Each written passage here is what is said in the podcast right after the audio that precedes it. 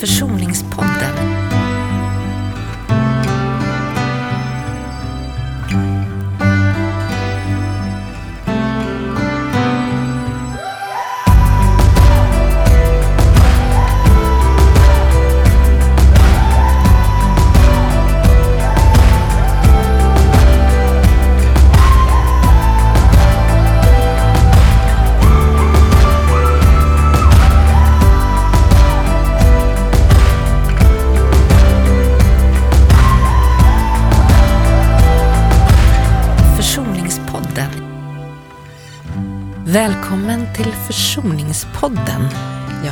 Görel Fred och jag är psykoterapeut och föreläsare och handledare. Och jag har skrivit en bok tillsammans med journalisten Ulrika Hjalmarsson Neideman som heter Försonas med din barndom och kanske med dina föräldrar. Och i den här podden så har jag bjudit in kloka människor som jag har bett att läsa. Och så ska vi prata om försoning på olika sätt. Och idag så har jag bjudit in Tanja Syto. Vem är du Tanja? Hej och framförallt stort tack för att jag får komma hit och vara med och diskutera det här viktiga ämnet som jag tänker berör många människor på olika sätt. Jag jobbar som familjebehandlare där jag träffar både barn och unga och vuxna som av olika skäl vill förändra något i sina relationer. Det kan handla om dåtid, det kan handla om nutid, men också att göra annorlunda i framtiden för att förbättra relationer eller komma i ro med det som man har varit med om. Och du är dotter till någon såklart, Ja, men är du precis. också förälder? Ja, jag har två stycken barn och lever också med en man. Okej. Vad är det som gör att du, att du har fastnat för det här ämnet? För du sa ju att du tyckte det var spännande när jag bad dig att vara med. Vad är det i det här ämnet som du tycker är angeläget? Jag tänker att ordet försoning är ett väldigt vackert begrepp som, precis som du skriver i din bok, många gånger blandas ihop med begreppet förlåtelse. Och jag tänker att försoning är någonting annat som vi behöver mer utav i eh, samhället, i mänskligheten, för att komma vidare. Så. För du har ju, dig har jag ju frågat om inte du vill eh, prata lite extra med mig om det här just med förlåtelse och försoning. För det där är ju sånt där begrepp som finns med sådär. När du, när du eh, gjorde det och tittade lite extra på det där avsnittet, vad var, vad var det som fastnade hos dig? Vad var det du tyckte var intressant eller spännande i, när du läste det? Det som, som jag kanske vet innan eller som man känner till men som blev mer tydligt var just det här att komma fram till en förlåtelse så krävs en relation. Eh, Man behöver känna att man blir tagen på allvar, att ens berättelse har landat i den andra personen och att man känner att den personen menar allvar för att en förlåtelse ska komma till. Och försoning är någonting man kan göra på egen hand och helt oberoende av den andra personen som har sårat en eller inte. Och för mig blev det väldigt hoppfullt och det är något inspirerande i det.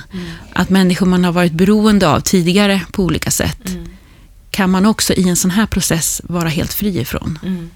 Det känns spännande och inspirerande och eh, också hoppfullt för, för var och en, tänker jag. För varje enskild människa. Mm.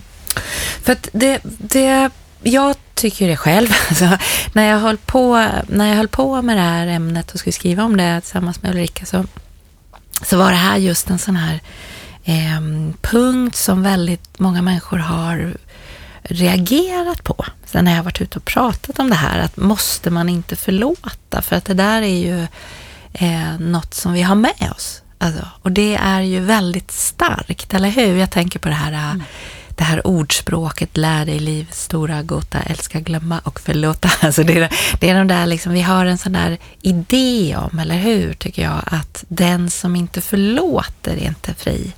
Och jag tycker att vi, att vi att det, att det slarvas väldigt mycket med det där ordet. Jag som jag har jobbat som skolkurator eh, för länge sedan, jag tyckte att man jättemycket höll på sådär i skolan, att två barn hade bråkat med varandra och sen skulle de säga förlåt, säg förlåt, säg förlåt. Liksom känner du igen den?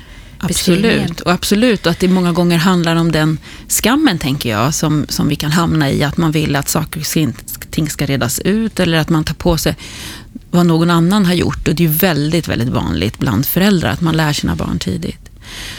Så, så hur tänker du att man som förälder istället skulle kunna göra? För att jag tänker att det är något vi hamnar i för att vi vill våra barn väl. Absolut. Ja, så vad, vad, hur ska man göra då? Det, det tycker jag är en jättebra fråga. Alltså, och, och så tänkte jag innan vi tar den du och jag så skulle vi kunna bara reda ut det här med vad, vad menar jag med och vad är det du har hört i det här med skillnaden mellan försoning och förlåtelse. Mm. För, att, för att jag tänker att förlåtelse, precis som du som du eh, la märke, alltså la märke det har ju du tänkt förut, men att du sa att du fick mer ord på det. Mm. Det tänker jag ju är en relationell handling. Alltså mm. jag gör dig illa Tanja och du betyder så pass mycket för mig att jag vill inte göra dig illa och då säger jag förlåt till dig. Och då tycker jag att jag med det förlåtet har också sagt Tanja, jag har förstått att jag har gjort dig väldigt illa. Du betyder för mycket för mig. Jag ska inte göra om det. Jag ska göra allt i min makt för att inte göra om det. Så eh, därför så, så säger jag förlåt. Om du då säger jag förlåter dig Görel, så tänker jag att du tror mig om att jag ska kunna göra det. Och därför så tänker jag att det blir relationellt. Och i den processen, när, när, när vårt förlåt ska börja verka, eller vad man ska säga, så tänker jag att jag kanske kan behöva hjälp av dig. Alltså, för ibland trappar man ju upp saker ihop, fast det kan vara mitt fast det ändå är mitt ansvar när jag gör det illa, så kan man ju trappa upp ihop. Är du med mig på det? Mm. Håller du med Absolut, mig? absolut. Ja. Och, och då så tänker jag att, att, att att be om förlåtelse när jag inte har förstått att jag behöver göra på ett annat sätt, det blir ju inget bra, tänker jag. Och då finns det, det finns en, en, eh, en amerikansk terapeut som till och med pratar om ett uttryck som heter billig förlåtelse. Hon säger att man förlåter, hon kallar det billig förlåtelse, att man, man förlåter för att det ska bli lugnt eller man förlåter för att ja, för att den andra inte ska bli ännu argare eller man förlåter för att det blir pinsamt annars så att säga. Och då pratar hon om, vilket jag tycker är spännande, att det kan sätta sig på ens självkänsla. Alltså att man förlåter för billigt. Vad, vad, tänk, vad tänker du när jag säger så? Håller du, är du med mig på den ja. tanken? Ja. Vad spännande uttryck, ja. billig förlåtelse. Ja. Det landar ju direkt i en själv vad man menar med det och hur man kan förstå det. Ja. Och jag tänker i viktiga relationer där man är angelägen också om att bevara relationen eller att inte vara i konflikt för att det är någonting som skaver och så. Och att man då ganska snabbt går in i det för att lite grann sopa under mattan. Precis. Mm. Och, då, och då, då, då kan jag, för det ska jag tycka var spännande att prata om vad du tänker när jag säger det, för då kan jag tänka så här att när man gör det för många gånger mot sig själv, då har man ju sagt, tycker jag, om sig själv, det är inte så noga med mig. Mm. Är du med mig på det? Alltså det är inte så noga med mig. Alltså med mina gränser får man kränka. Mm. Därför jag tror inte dig om att du kommer kunna eller ens kommer försöka mm. att göra på ett annat sätt igen. Och då har jag ju sagt, tycker jag, att det är inte är så noga med mig. Tycker du att det är att dra det för långt? Säg så. Jag tycker att det är en spännande tanke och jag tänker att vi många gånger hamnar i vad som kostar och vad det liksom gör för gott. Och att ibland kanske det kan vara så att relationen eller att inte vara i konflikt kan, eh, det kan vara värt att det, liksom, att, man, att det skaver en del, att det får kosta lite på ens självkänsla, men att man ändå känner i botten att man har sin heder i behåll på något just sätt. Det, det. För att man inte har kraft och ork eller man har ingen lust att bråka vidare. Just det. Mm. Just det. Mm. Men, men att givetvis är det viktiga relationer för en som kommer fortsätta, som man vet kommer finnas till, som syskon eller nära relationer av olika slag, så tänker jag att det stämmer det du säger, att det skaver på ens självkänsla. Eh, och att man börjar, man börjar tulla på sin egen på sitt eget värde. Eller hur? Mm. men jag gillar den tanken. Ja. Billig förlåtelse. Ja. Och eh, att att det, det, det, det blir ju inget bra, för om jag inte så att säga står upp för mitt värde, då, då tänker jag att det kommer hända saker. Även i min relation till andra människor kommer det hända saker. Så säga, om, jag, om jag inte kan, här går min gräns och det här är jag och det här får man inte göra mot mig. Så, så, att, så att i den här kontexten, det här sammanhanget av att tänka om förlåtelse på det här sättet så, så, så har jag ju sagt att jag tänker att det finns yttre försoning som är mellan dig och mig. Och det är samma sak som förlåtelse. Och så finns det inre försoning. Där jag tänker så här att, att om det inte går att få till den där relationella och jag för mitt värdes skull, eller hur man ska säga, måste säga, men Tanja, nej, jag tror dig inte om att kunna göra någonting annat. Jag behöver för min, mitt värdes skull. Så, så tänker jag att man kan göra den här inre försoningen. När du, när du har läst om det där begreppet, vad, vad blir det för dig, den inre försoningen? Hur uppfattar du det? Jag tänker och jag får, jag får tankar kring en, inre process eh, som jag tänker att man kan göra när man är lite äldre. Mm. Att den är svår att göra med tonåringar mm. och barn mm. som kan vara nog så förtvivlade och ledsna för något man har varit med om eller haft en förälder som har svikit en på ett eller annat sätt. Jag tänker att man behöver ha kommit någonstans i livet för att kunna stå ut med det. För Jag tänker också att det handlar om en acceptans kring att man har haft det eller har fått det som man har att man har haft det som man har haft det. Mm.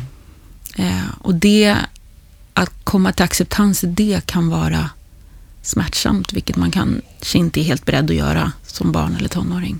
Nej, jag, jag tycker jättemycket om det du säger, för det här ordet försoning, om man slår upp vad det betyder, så betyder det ordagrant att lägga ner en strid. Och jag älskar den förklaringen liksom på det här ordet. För att, för att jag tänker så här att det handlar inte om att det man stred för att det var något fel på det. Det är ju inget fel på att vilja bli sedd av sin pappa, att han någon gång ska säga att han bryr sig eller att ens mamma ska liksom sluta och bara gråta eller vad vi nu har. Alla de här historierna som både du och jag har ju fått, för du har ju också fått dem från, från barn och vuxna. Alla de här känslan mm. av att Alltså det är ju inget fel på striden. Det är bara det att av massa olika orsaker som vi ska prata vidare om i den här podden i andra avsnitt, så kommer man inte vinna striden. Nej. Inte för att det var något fel på striden, men man kommer inte vinna. Alltså, det finns inte där. Mm. Det fanns aldrig att få, så att säga. Och det handlar inte om mig. Mm. Det finns inte att få. Och då kan jag tänka så här att det som är jag vet inte vad jag ska använda för ord, för det blir så lätt att man så att säga gullar med unga människor. Det vill inte jag göra. Jag har full respekt, jag har stor respekt för unga människors strid. Alltså unga människor har ju förändrat väldigt mycket saker när de har stridit. Alltså stora politiska liksom, skeden har ju skett för att unga människor har ställt sig och inte slutat strida.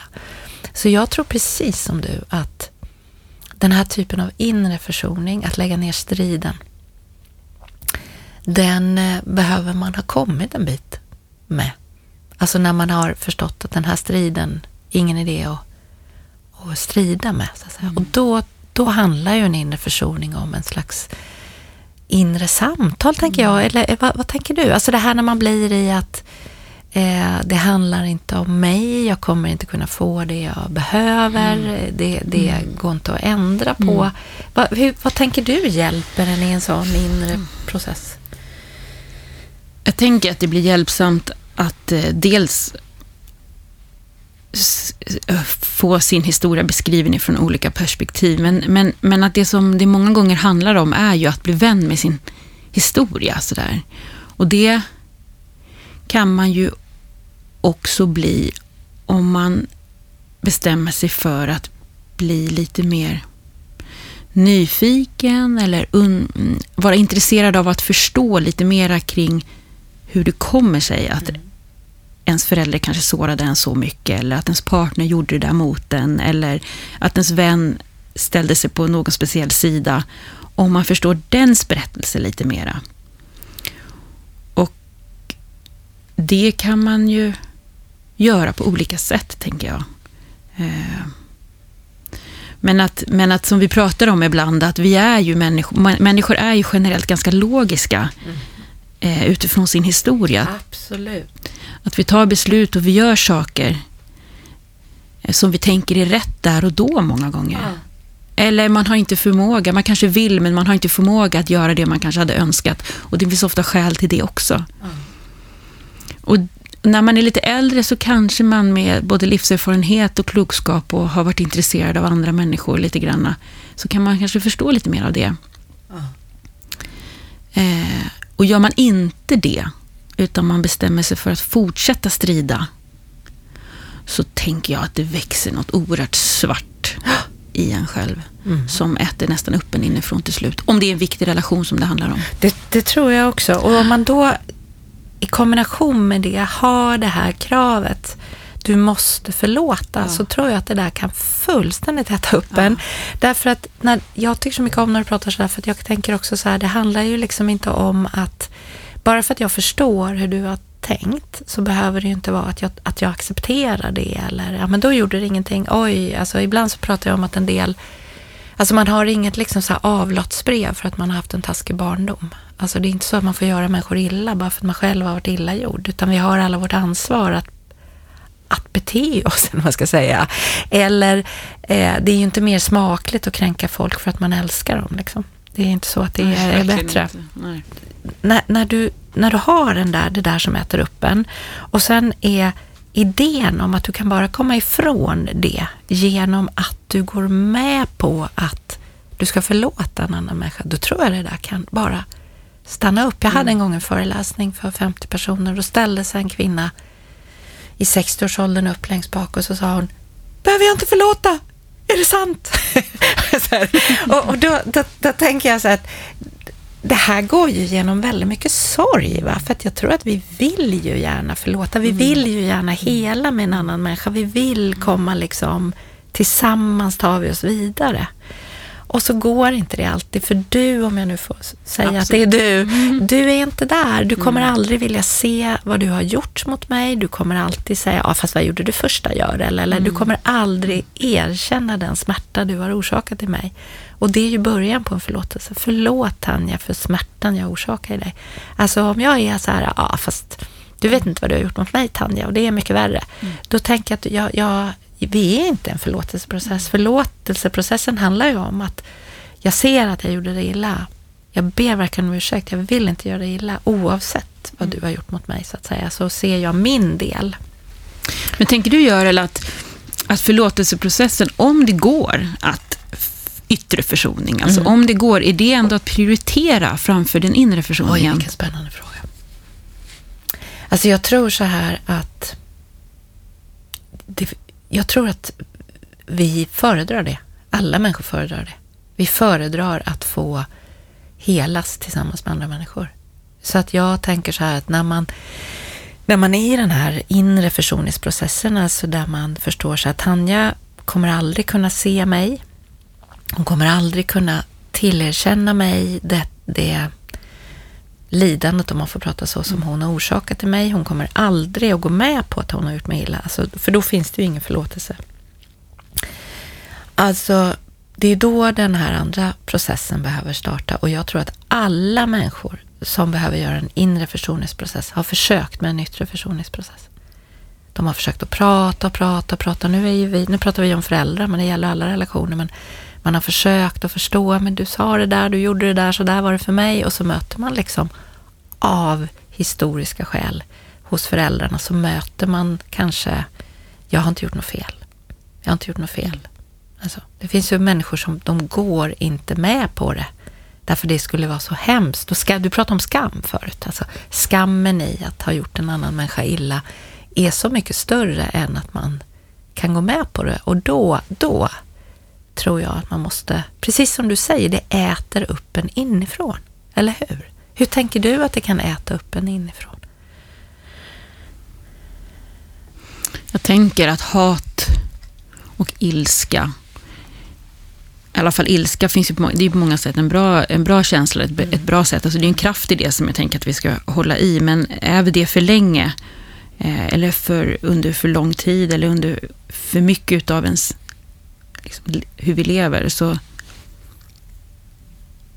så blir det svårt att öppna upp. Mm. Att eh, bejaka andra saker i livet som, som, som gör en gott. Mm. Det blir svårt att leva i nutid. L- bra, svårt att leva i nutid. Mm. Ja, det blir svårt att leva i nutid.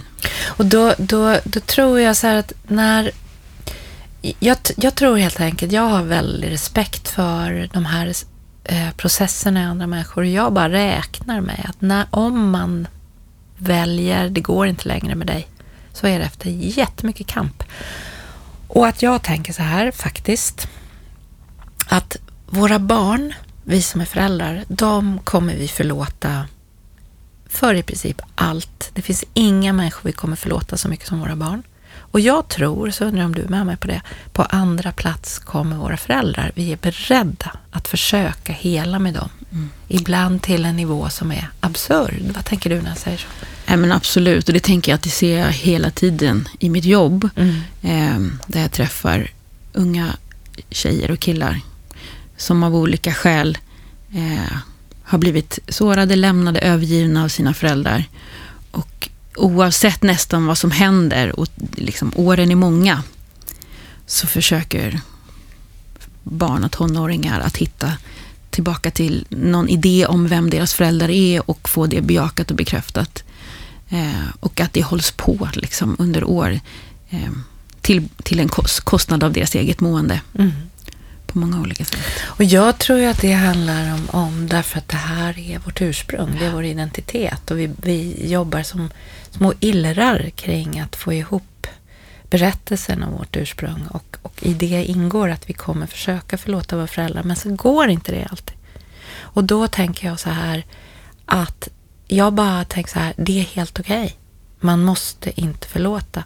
Därför att när man är vid den punkten så har det tagit en väldigt mycket kraft och smärta att komma fram dit. Det, det är därför jag kan bli helt... Jag kan tycka det är så förmätet, alltså med den här idén om du blir inte fri förrän du förlåter, says who, liksom. Alltså så. Mm. Det, det kan vara, tycker jag, att vara extremt orespektfull mot en människas kamp. Det här är inga lätta saker.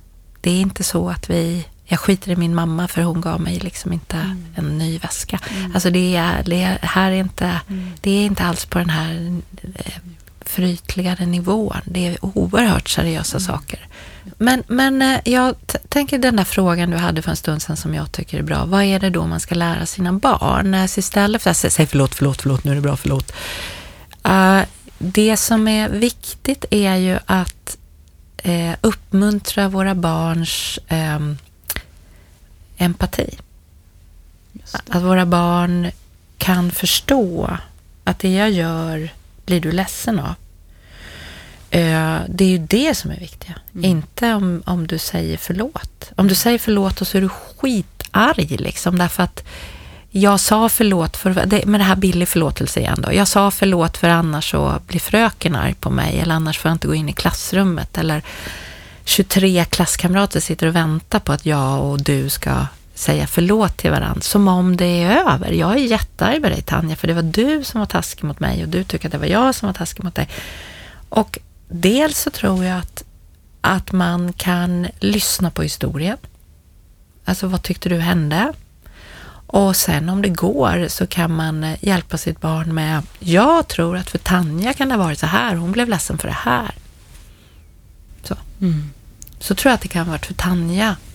Mm. Du blev ledsen vuxen, för det här. Ja, mm. Att man som vuxen hjälper till att, att så att säga öka eh, förståelsen eller empatin för så här var det för mig och så här var det för Tanja. Ja, Tanja sa det där till dig och då blev du ledsen och då slog du till henne. Och då blev Tanja ledsen. Du blev ledsen men Tanja blev också ledsen. Alltså, att hjälpa barn att sätta ord på skeenden och öka det här man kallar mentalisering, att jag förstår vad jag skapar i dig. Mm. Så tänker jag. Alltså, det, det, är, det är sån himla, ja, det jag säger, devalvering i det här ordet. Jag tycker att det är obehagligt. Alltså, kring, det, man, man, man, man respekterar inte ordet förlåt, tycker jag. För för mig är det ett allvarligt menat ord, så att säga. Men vad tänker du när jag säger att, att det handlar om att öka sina barns mentalisering mer än att lära dem att det heter förlåt? Det är jättespännande. Eh, och jag tänker mer samtal i sandlådan blir ju det, tänker jag. Att man börjar redan i tidig ålder. Mm. Eh, både som förälder och eh, liksom barn, att bli medveten kring, kring de här sakerna. Jag tänker att mycket, många på något sätt långvariga konflikter i skolan, jag har ju också arbetat som skolkurator mm. och funnits med i den världen, eh, skulle kanske det skulle kanske komma att lösas på ett annat sätt om, om förståelsen ökades för varandras perspektiv. Mm. Mm. Så, så, kan, så, så, så kan det vara. Eh, därför att eh, det är ju genom att jag känner vad jag orsakar i dig som jag kan få en inre kompass och låta bli det. Så att säga. Och det är ju det vi vill lära våra barn och de människor vi har runt omkring. Alltså hur ska, hur ska, vi, hur ska vi respektera gränserna och hur ska vi göra på ett sätt så att man inte gör andra människor illa. För det tror jag också att min erfarenhet har varit mycket med barn är att de är oerhört eh, heter det samvetsgranna? Alltså de har ett stort samvete. De, de, vill inte göra andra människor ledsna och de vill inte göra oss ledsna och de vill inte, de vill inte det. Mm. Sen, sen tänker jag ju det här med, med, med yttre och inre försoning handlar ju om också vad som ska få fylla mig, vad det jag kan förändra eller det jag inte kan förändra. För det handlar ju liksom om att sluta att eh, försöka få då, låt säga nu att du är min mamma och du, du har inte gått med på på 25 år eller 30 år att, att du gjorde mig illa, för du är inte en person som gör det. Alltså du älskar ju mig så du skulle ju aldrig göra mig illa. Så att varje gång jag säger det, fast det där var inte okej okay för mig, så kanske du svarar mig, för du får sån skuld. Eh, fast det var inte så. Jag, jag, jag gjorde inte så, eller du missuppfattade det där. Alltså jag får aldrig ett erkännande i, i det jag har varit med om. Och det tror jag är viktigt för försoning. Och någon gång så måste jag ju på något sätt, okej, okay, nu har jag sagt det här till mamma 150 gånger på sätt. Och kanske fatta att jag kommer aldrig få den där ursäkten. Och, och, den tror jag ju handlar väldigt mycket om Eh, att man blir så skuldtyngd, att man är människa och gör folk illa fast man älskar dem. Vad tror du att den där skulden handlar om? Vad är det som gör, tror du, att man inte kan gå med på att man har gjort en annan människa illa? För det vet ju du också att det måste du träffa många gånger i ditt jobb, att man, man går inte med på det. Eller känner du igen det? Absolut, jag känner igen det. Och jag tänker att det många gånger handlar om att man står inte ut att vara kvar i process kring att, eh, att vara den som är dålig. Att den som har gjort, den som på något sätt har försakat den man älskar illa på något sätt. Att det går emot ens självbild av vem man är och vem man vill vara. Mm. Eh, och, därför, och därför gör man inte det. Man kan inte säga förlåt på ett äkta sätt. Eh, jag tänker precis som du också, att står man ut med det, att, att, eh, att, vara, att vara den som har gjort ens barn illa och samtidigt kunna säga förlåt, mm, så tänker jag att relationen stärks på, liksom på ett annat sätt och att man hamnar i någon form av Försoning. Ja, kanske. Försoning. ja. Nej, men jag är hundra med på det. För att ja. jag tror verkligen att vi att vi, det här tror jag att vi som föräldrar inte alltid förstår. Alltså hur villiga, hur villiga våra barn är att få, till, få igång förlåtelseprocessen. Men den börjar med att jag vill att du, mamma eller pappa, ser vad du har gjort mot mig. Mm. Jag, har ju, jag jobbar ju mycket med vuxna barn och deras föräldrar i terapi. Och den äldsta barnet jag har haft var 48 år som kom med sin 80-åriga förälder. Alltså, och då var det ju den här typen av samtal igen. Alltså, alltså typ, se vad du har gjort mot mig. Och har man hållit på i 48 år så kanske det är svårt att nå fram. Alltså. Men mm. var, varför jag berättar den är ju för att jag tänker att den här viljan och hela, den är så existentiell, den verkar finnas med. Mm. Så om jag som förälder mm. går med på att jag är människa så att säga. Och som människa kommer vi att göra människor illa som vi älskar. Mm. Vi kommer göra det av en massa olika skäl. Så kommer vi göra det. Eh, om vi kan gå med på den mänskliga dimensionen av att vara män, människa och höra, då tror jag att eh, våra barn är väldigt beredda att förlåta oss. Men vi kan ju inte alltid gå med på det heller, för vi kanske har olika Det kan vara, alltså det, det, är ju, det är ju inte någon piece of cake detta, alltså, för det kan ju också vara så att jag, jag eh, håller inte med. Eller, alltså det finns massa, men jag, måste ändå höra att det här har mitt barn tyckt att jag har orsakat. Det är otroligt viktigt. Alltså. Och svårt kan det vara. Mm, för man hamnar i så mycket skuld. Mm. Man vill ju verkligen inte Mm. göra sina barn illa. Mm. Och kanske kan, kan det vara så också att man har en egen historia, saker man själv inte har bearbetat som förälder, som påminner, eh, som man på något sätt man upprepar och det gör för ont att inse det. Mm. Att det som kanske har hänt med min relation till mitt barn har att göra mera med det man själv har varit med om liksom i sitt eget liv. Mm. Och det är inte klart, det har man inte rätt ut eller försonats med. Vilket gör att det blir ännu mer kraftfullt inför nästa relation. Ja, för att var det någonting jag då eh, visste var att jag skulle aldrig upprepa det här. Och så kan mina barn säga, det var precis det du upprepade. Så är det ju, tänker jag. Det har jag varit med om flera gånger i samtal. Att, att, att föräldrar kan ha sagt liksom, ah, fast så där gör inte jag. För att det där var jag med om själv och det skulle jag aldrig göra. Och så gör man det. För att det är inte, det är ingen piece of cake att vara människa. Liksom. Det är inte det. Och det vi har är ju att, att försöka höra och ställa till rätta med människor vi älskar.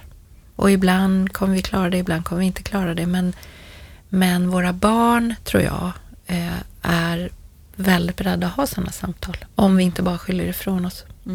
Som jag tänker att man, många föräldrar gör, därför att det är så. Jag vill inte det här. Det sista jag vill i världen är att göra mina barn illa, eller hur? Och det tror jag att alla föräldrar har, Mm. faktiskt. Mm. Och så slår det till någonting det här att man gör det i alla fall. Mm. Du, Görel, Mm. jag har tänkt, jag tänkte på något när jag läste din bok. Ehm, för där i boken så jämför du hur det har blivit bränd av solen.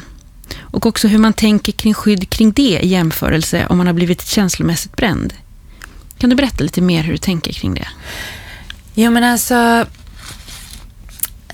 Det kan ju vara så, om man tar den här liknelsen med bränd i solen, att man, man har solat så mycket så att bara några strålar kommer göra att allergin slår upp igen.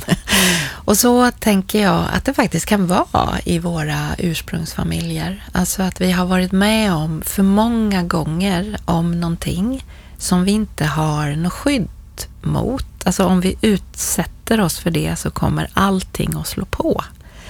Och det finns liksom inget annat sätt att hantera det, tänker jag, än att skydda sig från det. Därför att vissa upplevelser vi har, de är så pass starka att det går inte att bemästra dem med tankekraft eller med att agera på andra sätt. Jag tänker till exempel att man man åker på släktmiddagar och eh, det är alltid, alltid, alltid någon som blir för berusad och det går aldrig, aldrig, aldrig att göra på något annat sätt och det slutar alltid, alltid, alltid på samma sätt. Det blir, det blir tyst eller det blir jobbigt eller det blir bråk.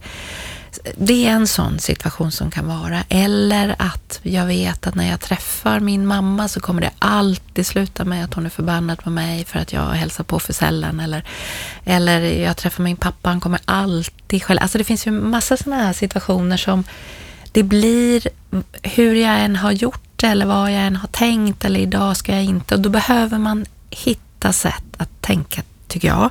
Vissa situationer är som att vara utsatt för solens strålar. Allergin kommer slå upp. Så vad ska jag göra då? Alltså om vi nu tar metaforen med solallergi så kan jag ju sätta på eh, mer kläder eller mer solskydd. Vad skulle det kunna vara? Då skulle det kunna vara så här, ja, jag åker på den här släktmiddagen men jag är bara med en timme. Kort stund. En precis. kort stund. Mm. Eller jag träffar pappa men bara under de här förutsättningarna eller bara tillsammans med de här människorna. Eller, alltså att man, man så att säga inte känner sig eh, dålig för att man eh, är överkänslig. Just det. Därför det finns, en, det finns en skäl till att man är överkänslig. Och att jag tycker att det är väldigt okej att inte varje gång tänka så här, eh, nej men jag kommer inte få allergi idag. Utan mer så här, jag kommer troligtvis få allergi, så vad kan jag göra? Kan jag ta med mig någon? Kan jag vara lite tag? Eller så tycker jag att det faktiskt är helt okej okay att säga jag vill inte. Mm. Det är som att ta sig själv verkligen på stort allvar. Absolut. Ja, och, och visa att man är värd någonting absolut. på egen hand. Absolut. Och jag tänker igen att eh, innan man är vid den punkten så har man utsatt sig extremt många mm. gånger för en situation som mm. man är vanmäktig i. Som jag inte kan påverka, mm. som jag inte kan mm. lösa. Men, men det är svårt, tänker jag, för att det är så många andra relationer som såklart är beroende av det här och så. För eh, om vi är allergiska mot hundar till exempel, eller någonting sånt, eller jag har en, en vän som är det. Och han har liksom flera gånger varit liksom, jag klarar av det och så tänker jag, jag tar mina tabletter efteråt, eller jag gör det här efteråt. Men han mår rätt dåligt varje gång han har varit i, i, liksom i ett sammanhang där hundar finns. Och nu har han bestämt sig rakt av. Han kommer aldrig någonsin vara på ett ställe fler gånger där det finns hundar. Nej. Det här tycker jag är en himla bra metafor som du har. Liksom. Det ställer till det. Liksom. Alltså, därför att, eh, och, och jag tänker igen så här, det här med, med hur vi har det med våra föräldrar och vår släkt.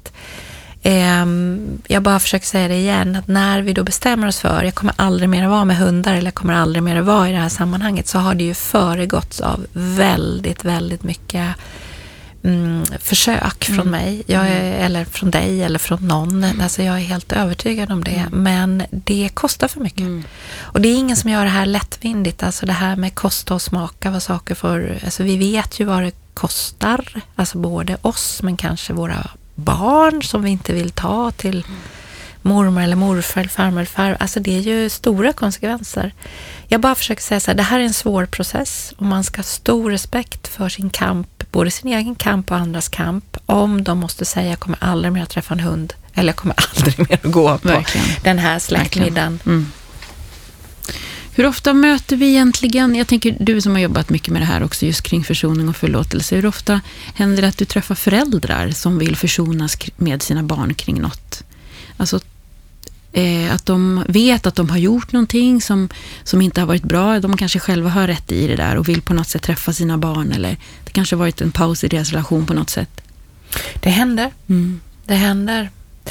Eh, och det händer också att mm, jag tänker att jag har träffat föräldrar som vill det, men det de vill är att tala om att deras barn har missuppfattat. Just det.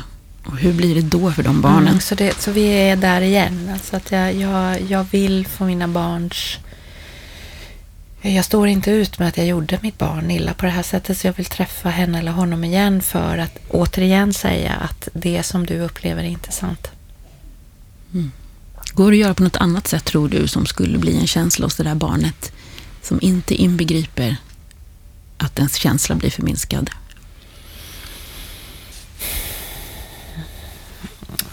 Ja, jag vet faktiskt inte. Du menar om man har en förälder som vill mer ha att ens barn ska säga att det, det är fine. Mm. Fast barnet inte tycker så. Är det så Eller kanske beredd att lyssna på barnens berättelse. Ja, om man är det. Om man är det. Då är det ju. Då är det ju. Och då handlar det ju inte om att man måste hålla med sitt barn. Men man måste tala om att jag hör att för dig blev det så här. Och det tycker jag är väldigt tråkigt. Mm. Alltså det här var aldrig min intention. Det här ville inte jag. Jag blir jätteledsen över att det var så mm. det blev för dig. På riktigt alltså. Riktigt. Och det kan göra skillnad, eller hur? Ja, jag tror att det kan göra ja, skillnad. Jag tror alltså, det, också. Man, man måste ju, det finns ju liksom beskrivningar som ens barn kan ha som jag har svårt att gå med på. För då känner jag att jag måste gå med på en bild som jag verkligen inte mm. håller med om. Men att höra att på riktigt, och det är ju mm. verkligen ingen bagatell, att mitt barn har uppfattat det på det här sättet. Mm. Och det är ju en katastrof, eller det är ju förfärligt. Och att jag då lär mig av att även om det där inte var min intention så ska jag banne mig inte göra om det. Alltså det som min barn mm. kan uppfatta på det här sättet. För då har jag ju hört. Mm. hört. Alltså inte säga, men det är väl inte så farligt eller men nu är du larvig eller skärp dig, det där var väl inte så farligt. Mitt barn har ju sagt det där var farligt. Mm. Och även om jag liksom så här, jag tycker ju inte att det var så jag menade, att höra att så där blev det för mitt barn. Och då är det banne med min skyldighet som förälder att aldrig göra om det, och, om det står i min makt. Alltså det som mitt barn kan uppfatta på det sättet. En föreläsning jag hade på ett bibliotek för några år sedan och då var titeln Måste man försonas med sina föräldrar? Och till den föreläsningen kommer en kvinna i rullator som jag tror är eskorterad av sin son som var långt över pensionär och jag, jag, jag tror den här kvinnan var över 90. Och hon kommer och sätter sig nära mig på scenen för att hon ska höra. Hon är, som jag ser, över 90 och går på en föreläsning som heter Måste man försonas med sina mm. föräldrar? Och det, det berörde mig nog otroligt mycket. Mm. Alltså att det här är ett ämne som vi håller på med och håller på med och håller på med och reder ut i. Så alla människor som säger på något sätt att jag fattar inte att hon inte kan förlåta det där. Mm. Alltså kan säga, men lägg av, du har inte vandrat 30 mil i hennes mockasiner. Du mm. har inte varit i hennes värld. Du har ingen aning om. Mm. Därför att jag har full respekt för att den där kampen har man utkämpat jättelänge. Se mig, se mitt perspektiv, be mig om förlåtelse fast du inte menade att det var mm. så där det skulle bli. För det kan jag ju som barn se. Det var inte din intention, men det blev så här. Mm. Och det blev inget bra för mig. Och då kan man säga, det var tråkigt. Det är jag ledsen över att det blev på det sättet. Mm. Det är intressant det du säger. Jag tänker så här, om jag frågar dig då, om man har kommit fram till det där, man har prövat förlåtelse, man har gått liksom på olika sätt och man bestämmer sig ändå för att nej, men det här med försoning med sig själv låter ju spännande. Eller på något sätt kanske en öppning för en själv och ens eget välmående och leva mer i nutid och så. Hur, eh, vad, vad, vad, tänker du att ens första steg, vad ska man liksom göra om man, om, man, om man har kommit till den punkten? Jag tror, eh, som vi också pratade i förra avsnittet om att jag tror på den här idén om att bredda berättelsen om det man har varit med om. Alltså det finns ju, alltså det finns ju fler anledningar till att det blev som det blev ju. Och så är jag 100% säker på att inre försoning går genom sorg. Tanja, tusen tack för att du kom och ville prata om förlåtelse och försoning med mig. Tack själv för det här samtalet. Du har lyssnat på Försoningspodden. Minns att ordet försoning betyder att lägga ner en strid. Inte för att det man stred för var det något fel på, men för att man inte kommer vinna. Producent för den här podden är Erik Zettervall och om du har några frågor eller funderingar så välkommen att mejla dem till försoningspodden gmail.com.